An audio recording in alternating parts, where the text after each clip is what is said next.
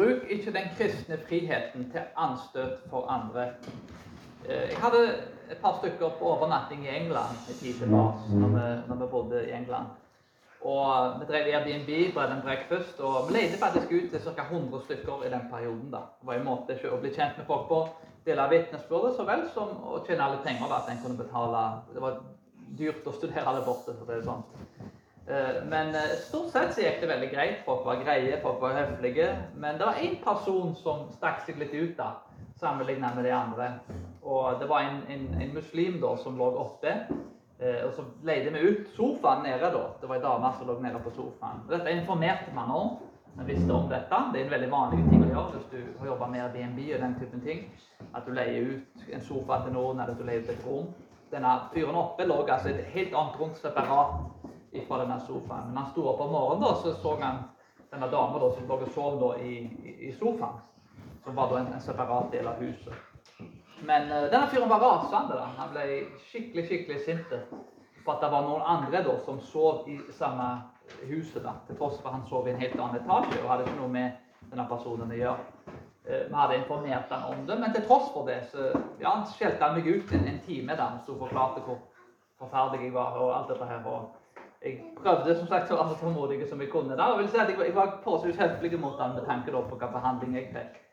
Eh, betalte pengene tilbake, for jeg fikk jo igjen pengene sine. Men jeg ville også at de skulle betale hotell for han da. Et dyrt hotell han kunne, for da var han ødelagt hele helgen. Så det gjorde jeg ikke, da. Men, men uansett, da. Jeg, jeg, samme hva jeg sa, og jeg vil si at jeg var ekstremt høflig mot han, til tross for han sto og skjelte meg ut. Så, så det var ingenting jeg kunne si på det tidspunktet som ville forandre meningen på han. Han var sinte og ikke fornøyd med hvordan ting var.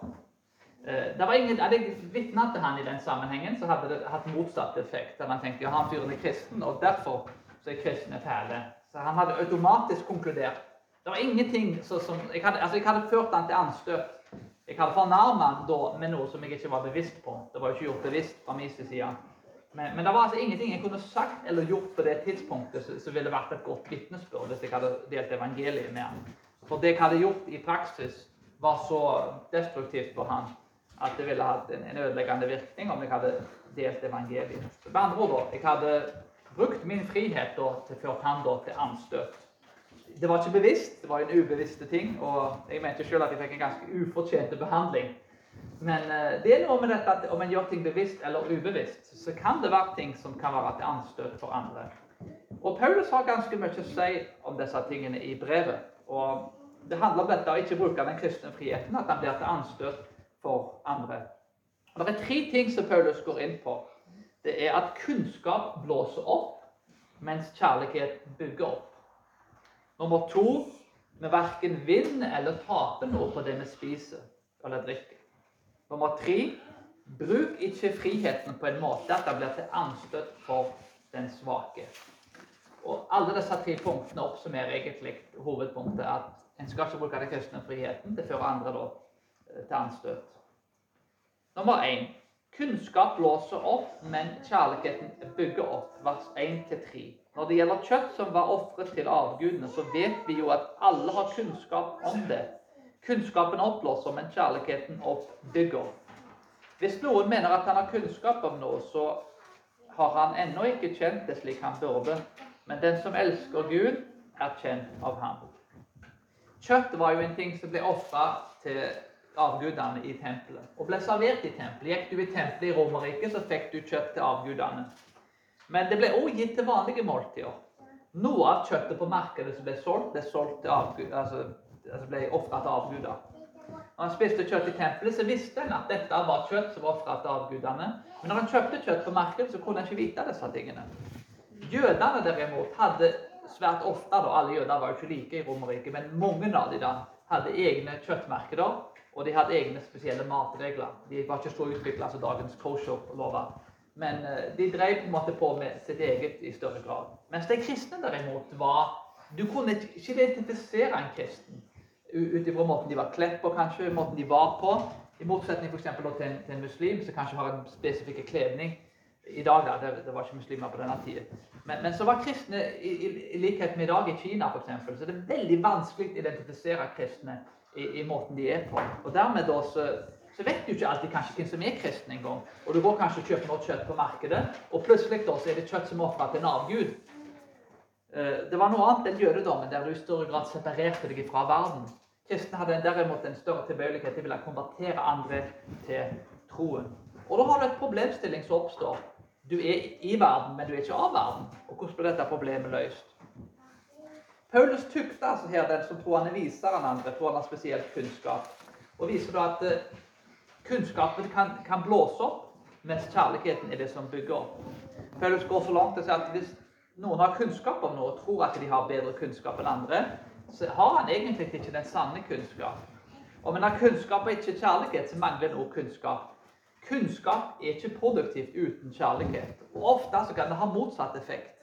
Arroganse leder til splittelse, mens kjærlighet kan føre til sann kunnskap og gjøre at folk er sammen. En av de mest lærde folkene i kirkehistorien uh, var Sant Augustin. Augustin var en, en mann som uh, sannsynligvis var tre-fire ganger så smart som folk flest. Og han var sikkert ti ganger mer lærd enn folk flest. Både i hedensk litteratur og selvsagt også i Bibelen. Det var en uhyre kunnskapsrik person. Hadde han kommet inn i et rom, så hadde han sannsynligvis vært den personen som kunne ti ganger mer enn folk flest. Det var en ekstremt lærd person som har påvirka kirkehistorien enormt i etterkant. Men han mener altså at Paulus jeg peker på det Paulus mener i teksten her, at kunnskap jobber godt sammen med kjærlighet at det, den kunnskapen kan lede til arroganse. Her er altså en av de mest lærde folkene kanskje som har levd i, i kirkehistorien, som sier at kunnskapen kan gjøre folk arrogante. Og Det viser jo med Augustin men hvor, hvor nære han levde Gud, at han klarer å se dette. At han er drevet av kjærlighet, at kunnskapen må kombineres med kjærlighet. Og Det ser vi òg i brevet til Paulus ved Korinterne 13, 16.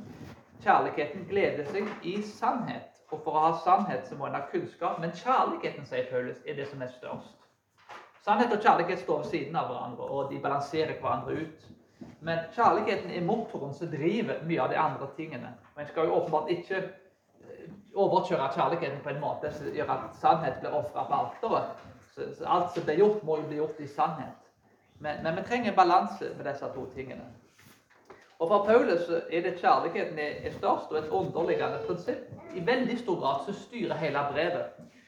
I vers 3 så ser vi at Gud kjenner oss. I Johannes 15, 16 ser vi et lignende eksempel. At det var ikke vi som valgte Gud, men han som valgte oss. Det er kjærligheten som han har gitt til oss, og kunnskapen som er blitt gitt av han. Det gir oss ingen grunn til stolthet. Gud gav oss alle gavene vi har. Han åpenbarte seg for oss og gav oss den kunnskapen som vi har. Og det er denne kunnskapen og kjærligheten som skal gå ut til andre mennesker. Så på grunn av det Jesus har gjort, så får vi en kjærlighet og et eksempel av kjærlighet som gjør at vi kan gå ut og, og formidle kunnskap på en kjærlighetsfull måte. Og i den reformerte, iallfall leser Lene litt mer reformert, eh, kirker eller settinger, så har en ofte en tendens kanskje til å være veldig glad i kunnskap. Veldig mange intellektuelle, folk som er veldig glad og kanskje gode på teologi. Og jeg vet for min egen del altså, jeg er veldig glad i filosofien og teologien og, og det å lære da, og, og ta til meg kunnskap. Så dette her er kritikk som er kanskje i stor grad retta mot meg sjøl.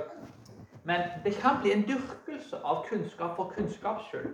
Filosofi betyr faktisk broderlig kjærlighet til visdom. En filosof kan ofte være en person som elsker visdom for visdoms skyld. Det er ikke noe endemål. Endemålet blir bare å lære om Platon, eller, eller lære om universet, hvordan det henger sammen. Uten at det er noe større endemål. Du vil lære for å lære. Du vil studere for å studere. Men endemålet med teologi og kunnskap er å ære Gud nå og for alltid. Det er å elske Gud, elske vår neste som oss sjøl. Så teologien og kunnskapen blir en bibelsk sett har et endemål, en endestasjon, som i mye større grad er retta utadretta. En skal gjøre noe med dette. Gud må få sentrumet. Og han valgte oss av sin nåde. Han har gitt oss sin kjærlighet. Og derfor så må vi gå ut og overlevere dette til andre. Det å studere for å studere, som jeg har en veldig sterk mulighet til å gjøre sjøl. Jeg er veldig interessert i å lære ting for å lære ting, og ikke nødvendigvis om det er matnyttig eller ei. Men det er noe med dette at Gud er opptatt av at det blir anvendt og satt ut i praksis. Så hvis du lærer utrolig mye om en ting, så må jeg spørre seg sjøl hvordan kan dette brukes til Guds rike. Og Det er mange måter selvsagt kunnskap kan bli brukt på. Men det går tilbake til det opprinnelige poenget. En anvendelse kan være dette med Jeg har nevnt det litt tidligere, men jeg repeterer det igjen. da.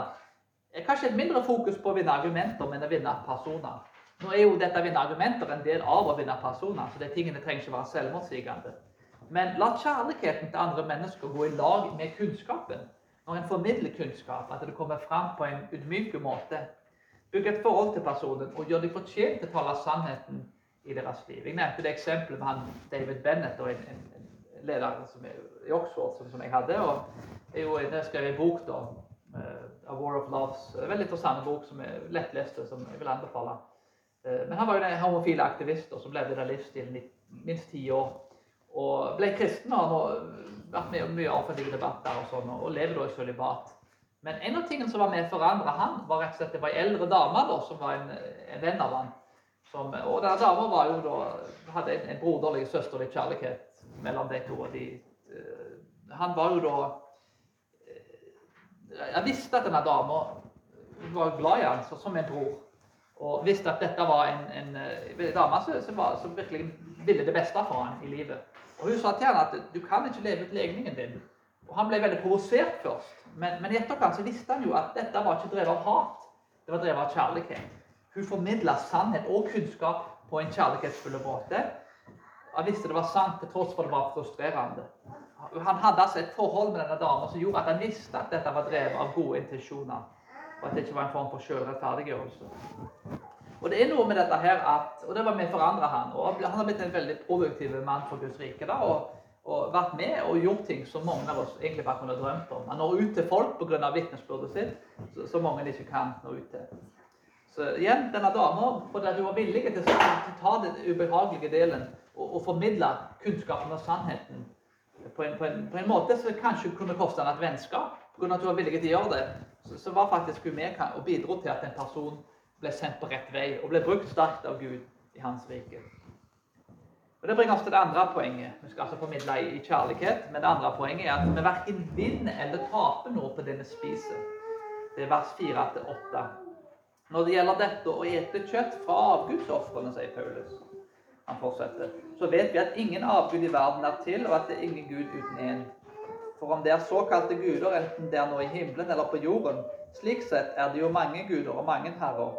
Så er det for oss bare én Gud, Faderen. Av ham er alle ting, og vi er til for ham. Og det er bare én Herre, Jesus Kristus. Ved ham er alle ting, og vi er til ved ham. Men ikke alle har denne kunnskap.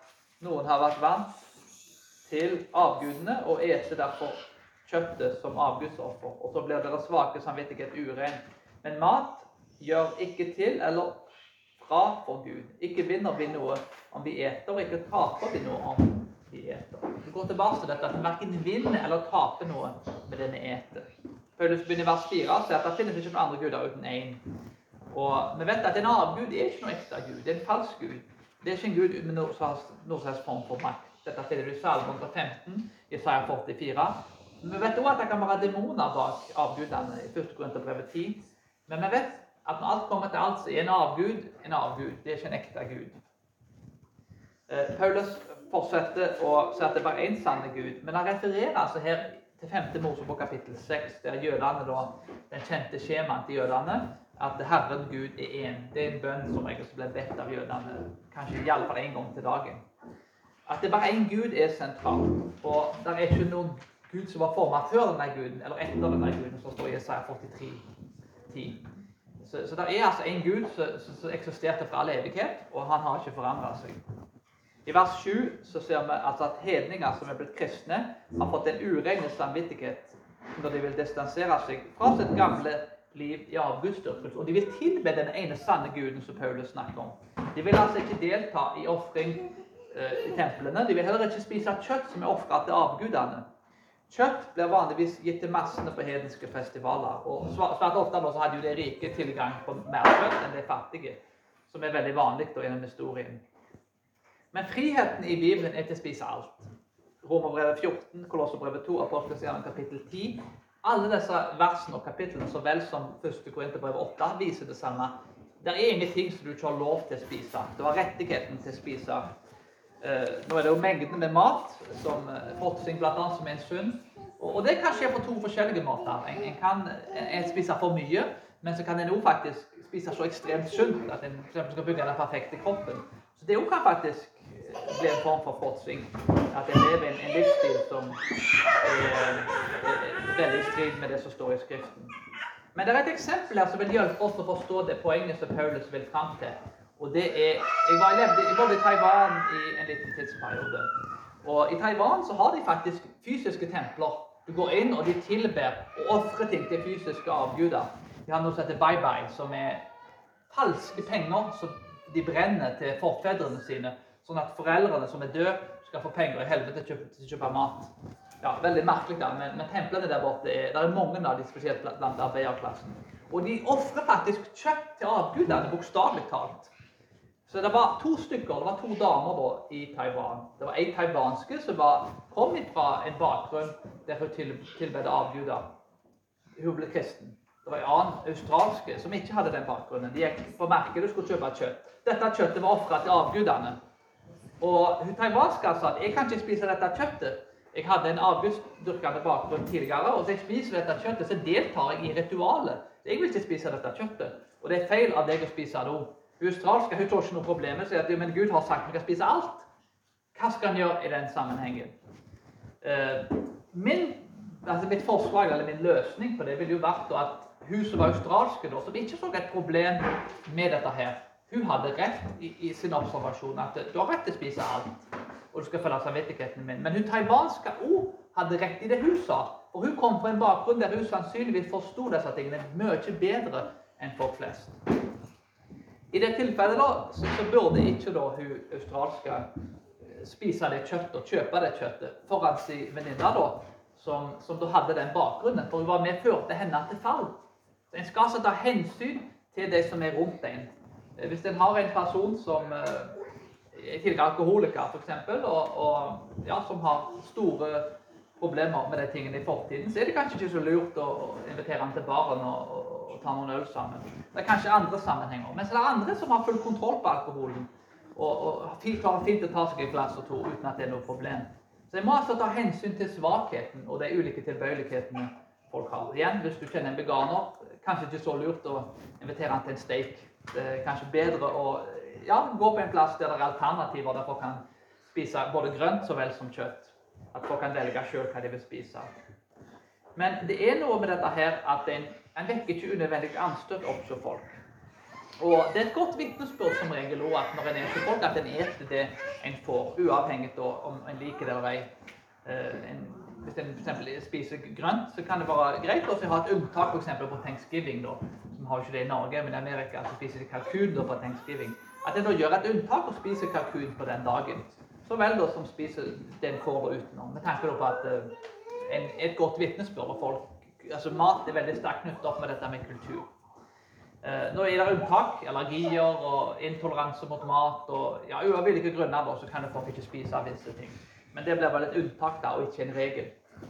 Men altså, jeg blir ikke rettferdiggjort av den spiser og drikker. En er ikke bedre eller verre om en spiser visse typer matvarer. Så, så det, det, har ikke noe å si hva en spiser. Men det er konteksten som avgjør hva som er det rette valget da, i forhold til det kristne vitnesbyrdet. Og Det bringer oss kanskje til det tredje og det viktigste poenget. At en ikke da skal bruke den kristne friheten til anstøt for de svake i vers 9 13. Jeg bare leser den igjen. Men se til at dere ikke bruker friheten slik at den blir til anstøt for de svake. For dersom noen ser deg som har kunnskap ligge til bords i avgudshuset, vil da ikke hans samvittighet som er svak, bli oppmuntret til å ete avgudsofferet? Da går jo den svake fortapt for din kunnskaps skyld, den bror som Kristus har dødd for. Men når dere på denne måten synder mot brødrene og sårer deres svake samvittighet, da synder dere mot Kristus. Derfor, om mat volder min bror anstøt, da vil jeg aldri i evigheten ete kjøtt, for at de ikke skal bli til anstøt for min bror. Vi finner dette i Romerbrevet 14-15. Der står det Og dersom du med din mat volder din bror sorg, da vandrer du ikke i kjærlighet. Du må ikke med mat føre den i fortapelse som Kristus har dødd for. Filosofer trodde i stor grad at du kunne spise det du ville. Men rabbinere derimot mente det å få andre til å snuble vekk fra Guds vei var verre enn å drepe en person. Det blir som et åndelig drap på en person. Åndelig sett så legger en snublesteiner foran folk at de, at de faller. Rabbinerne mente at det var verre faktisk enn noe annet. De fratok en person livet i det neste livet. Altså En får ikke evig frelse da, som et resultat av, av, disse tingene. Så det var en alvorlig ting å føre andre til fall på den måten. Videre så sier han i 5. Mosebok 6,3 så hør Israel og akt vel på å holde dem, så det må gå deg vel. Og dere må øke og bli tallrike, slik som Herren, dine fedres Gud, har lovt deg, i et land som flyter med melk og honning. Vi ser i vers 10, men se at dere ikke bruker friheten til anstøt for den svake. Når vi ser på disse to tingene, både i Det gamle og Det nye testamentet, så er målet her de skal bli tallrike. I Det gamle testamentet skulle de bli tallrike i Israel, landet. Men i Det nye testamentet og i Korinterbrevet så ser vi at Paulus vil at de kristne skal bli tallrike. De som skal vinne folk til Kristus, ikke tilbe avguder, bli bevart i forholdet sitt til Bibelens Gud. Og Dette er skrevet altså i en misjonssammenheng, der flesteparten i Romerike ikke tenker sånn som en sjøl gjør. Det er et styrende prinsipp at alt en gjør, da, ikke skal vekke anstøt, og at det, det kjærligheten ligger bak alt. Og bare et sånt eksempel her på hvordan dette ikke bør praktiseres. og Jeg skal ikke nevne noen navn. Men det var en, en person en stund tilbake som var veldig kjent i det reformerte miljøet. Da, som var definert som en, en kalvinist eller ny kalvinist. Og denne personen da sa vel ganske mange sanne ting. da. Og denne personen har faktisk, om jeg husker helt rett her, gått ifra troen. da. Så det er jo ikke et godt vitnesbyrd. Men var veldig ute i avisene og den type ting. Og var veldig ja, utrolig eh, at han hogde folk ned da, på, på, det minste ting. da, Og hadde jo åpenbart uh, Han sa sanne ting, men han sa det på en måte da, som, som den dag i dag sitter igjen som et veldig dårlig vitnesbyrd til mange i etterkant. Og mange, Denne personen blir ofte tatt opp i samtaler. Ja, men hva med denne personen? Så Denne personen har ikke vært med og pløyd åkeren sånn at frøene kan bli sådd inn. Han har vært med stengt før åkeren, gjort det vanskeligere for andre i etterkant og så disse frøene. For det var liksom en sånn uoffisielle talsmann da, for mye av de samme tingene da, som vi står for. Til tross for at det, det er selvsagt ulikheter og alt dette her. Men, men, det er noe med dette at en kan si sanne ting, men en kan si det på feil måte. At det blir så sterkt til anstøt for folk at de faktisk ender opp med å ha en motsatt virkning. Det hadde det med denne personen. Det er noe med dette å svare på spørsmål når folk er åpne for å høre det. Gjøre seg fortjent til å dele med folk og drive en form for passiv lytting. Og Noen ganger så kan det være bedre. Noen ganger så er det jo åpenbart òg rett å fortelle sannheten. Kanskje på en tydelig måte. da, og Det kommer jeg faktisk litt inn på den siste sangen vår. Jeg skal nevne noen få ting om en person da, som ja, eh, gjorde ting på en litt utradisjonell norsk måte. Men uansett så handler det om å ta hensyn til ulike kulturer. Muslimer drikker ikke alkohol, hinduister spiser ikke ku, buddhister er veganere. Og vi inviterer folk fra ulike kulturer hjem, så må en ta hensyn til disse tingene. Jeg har hatt mye mormonere på besøk hos meg, og jeg serverte de aldri kaffe med koffein i. Det er sikkert altså, de høflige mormonerne, men det er noe som, som, som vekker anstøt, for de har ikke lov til å drikke det. Hvis jeg tar det ekstra hensynet og lager veganske mat til en veganer Jeg eh, gir ikke alkohol til muslimen jeg gir ikke kaffe til mormonerne, så, så, vil de verdsette det og tenke at han brydde seg så mye om meg at han tok ekstra tid til å finne ut av hva jeg mente om disse tingene, og serverer meg mat som, som, er konsekvent med den kulturen jeg kommer fra. Og Dette er en kjærlighetsfull handling som folk svært ofte responderer godt på. Og en, har, Vi hadde 100 stykker boende hos oss. Veganere, muslimer. Altså alle mulige folk du kan tenke deg. Og i hvert tilfelle så satte folk veldig pris på at en tok disse hensynene. Og mange med ulike, ulike former for matbehov. Men for å oppsummere dette her, så vil jeg bare si at det er noen styrende prinsipper her som vi kan stille oss og spørre oss i disse sammenhengene. Nummer én gagner det vi gjør. Nummer to er det hjelpsomt. Er det til anstøt for min bror eller, eller søster? Og er det, blir det gjort i kjærlighet? En trenger balansert forståelse av hva Bibelen sier, frihet, kulturell forståelse, så vel som kjærlighet mot sin neste. Men uansett hvordan en tolker disse tingene Bibelen gir oss ikke alltid krystallklare svart-hvitt svar på ting.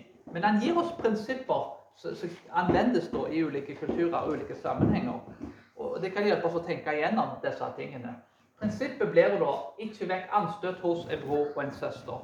Måten det blir gjort på da, er jo da at en er drevet av kjærlighet i alt en gjør.